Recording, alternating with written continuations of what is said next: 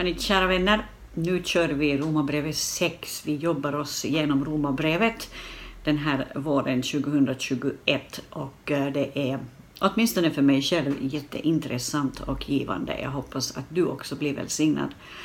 Um, skriv gärna respons på um, den här undervisningen om det är någonting du saknar eller om det är någonting som rörde dig eller någonting som um, tog tag i dig.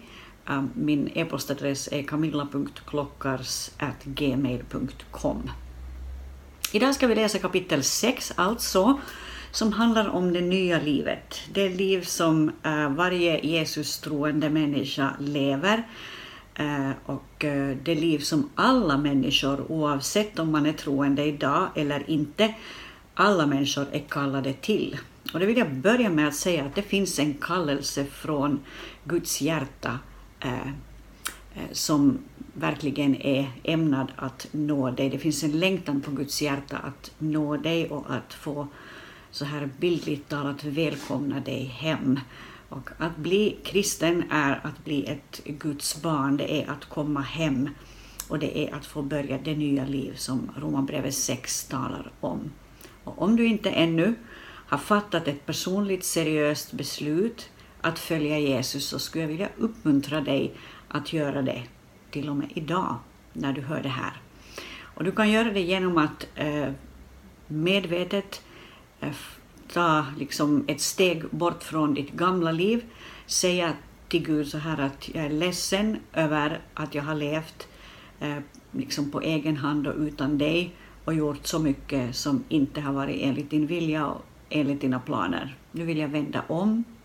Nu vill jag bli på nytt född. Jag vill ha ett helt nytt liv. Förlåt mig alla mina synder eh, och rena mig fullständigt så att jag blir en helt ny människa. Och när du har bett den bönen och verkligen menat det seriöst och lämnat ditt gamla liv, kanske som Sackeus gjorde, hälften av det jag äger så ger jag åt de fattiga. Det blev liksom en omvändelse där i hans liv. Du kan läsa om honom i Lukas evangeliet.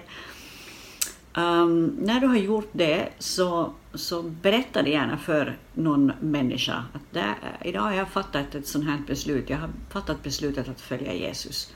Det kan ha oanade konsekvenser. Det kan vara, det kan vara som en, en livboj för den människan och en möjlighet till att få göra samma sak. All right. Nu läser vi Romarbrevet 6 och så går vi in i det här kapitlet. Vad ska vi då säga?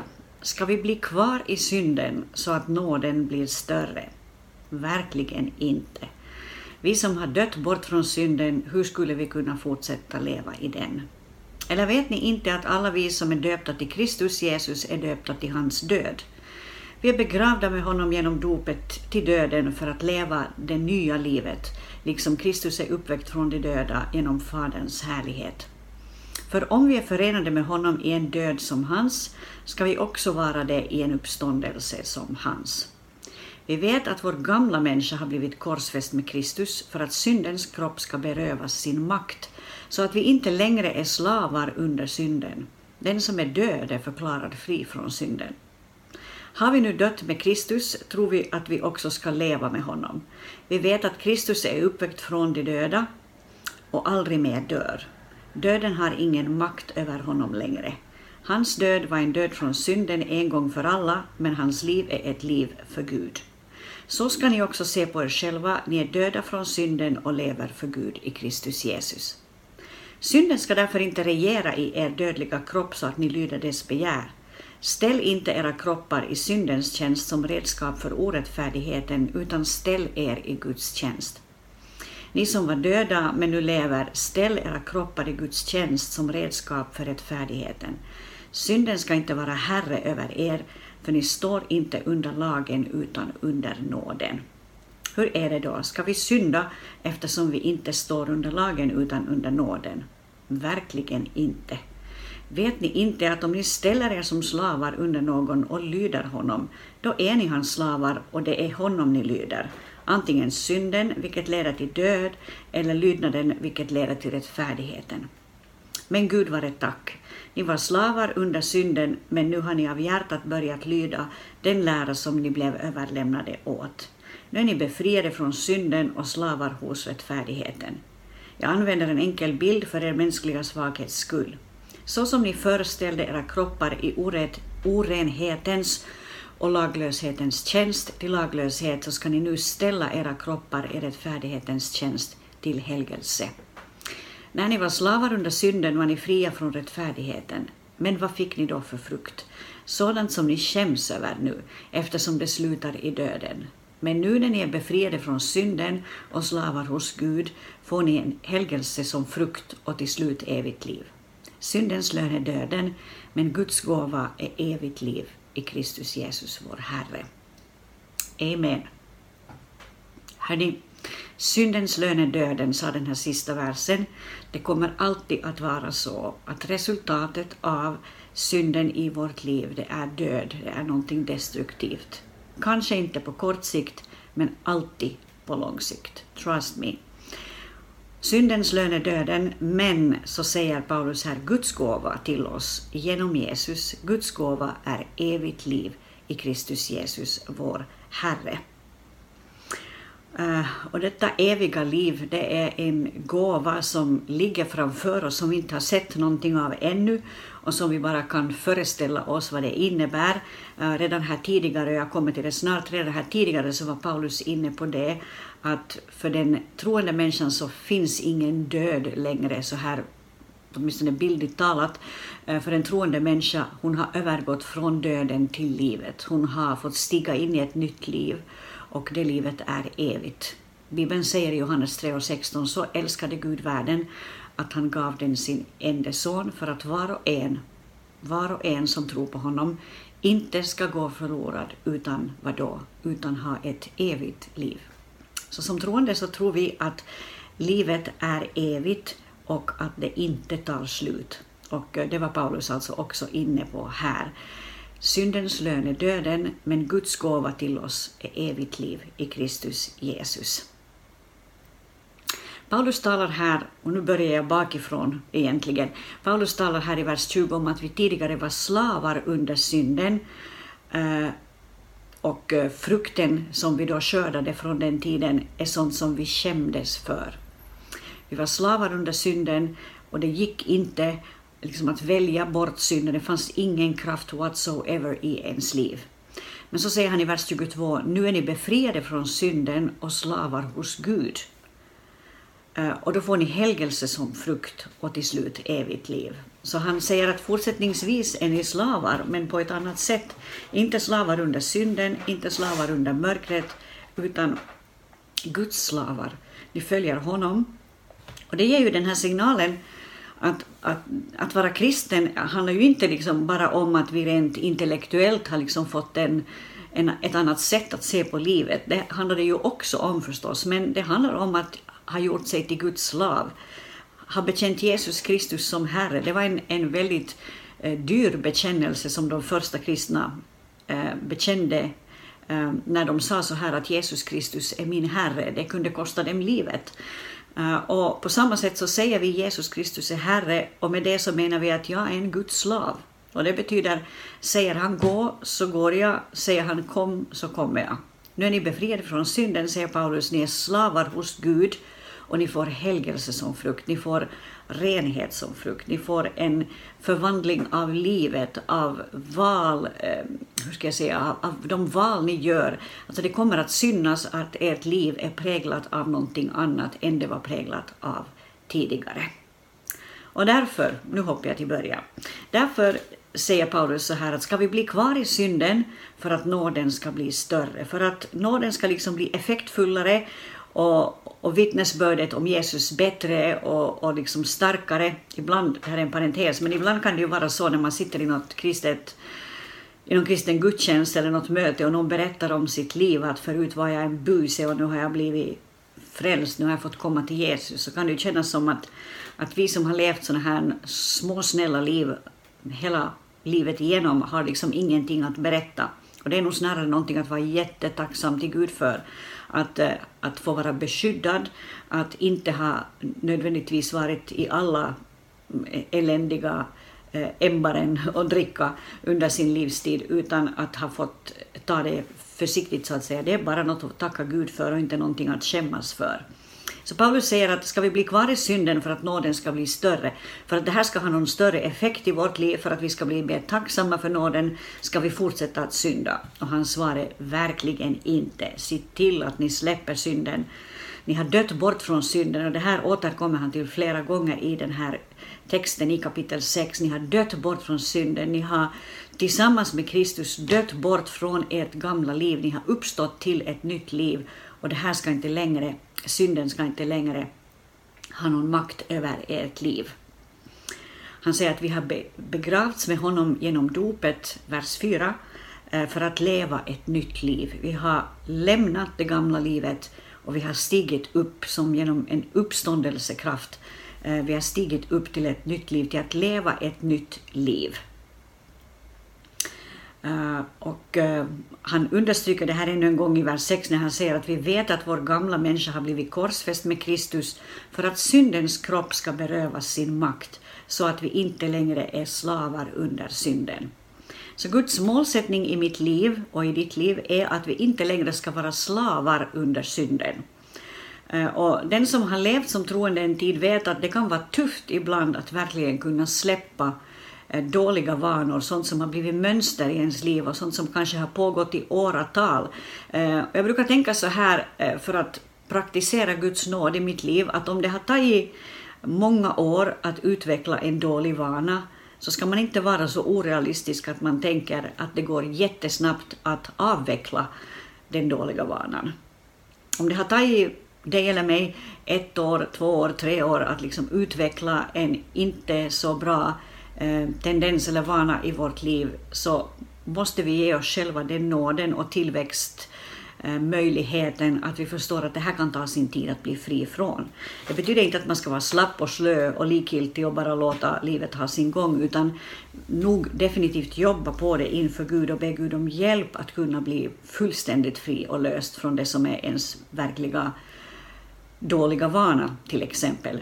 Men, men vi behöver ha nåd gentemot oss själva, att vi ger oss själva tid på samma sätt som Herren ger oss tid i det här.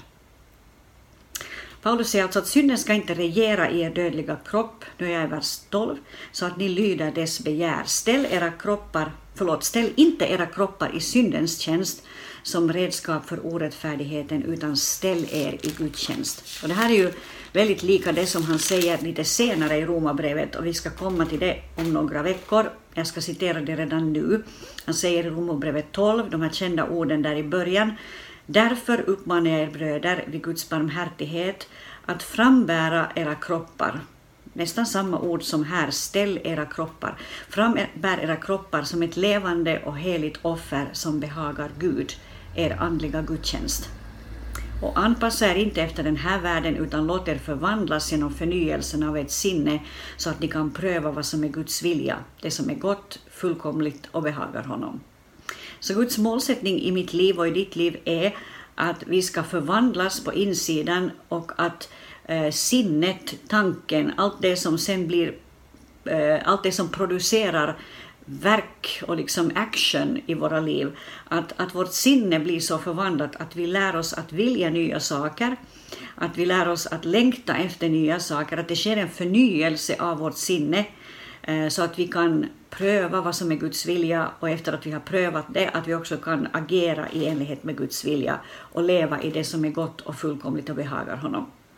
Och därför säger han, och jag går tillbaka till början av Romarbrevet 12, han säger frambär era kroppar som ett levande heligt offer. Och det är nästan detsamma som man säger i Romarbrevet 6 och 13. Ställ inte era kroppar i syndens tjänst som redskap för orättfärdigheten, utan ställ er i Guds tjänst.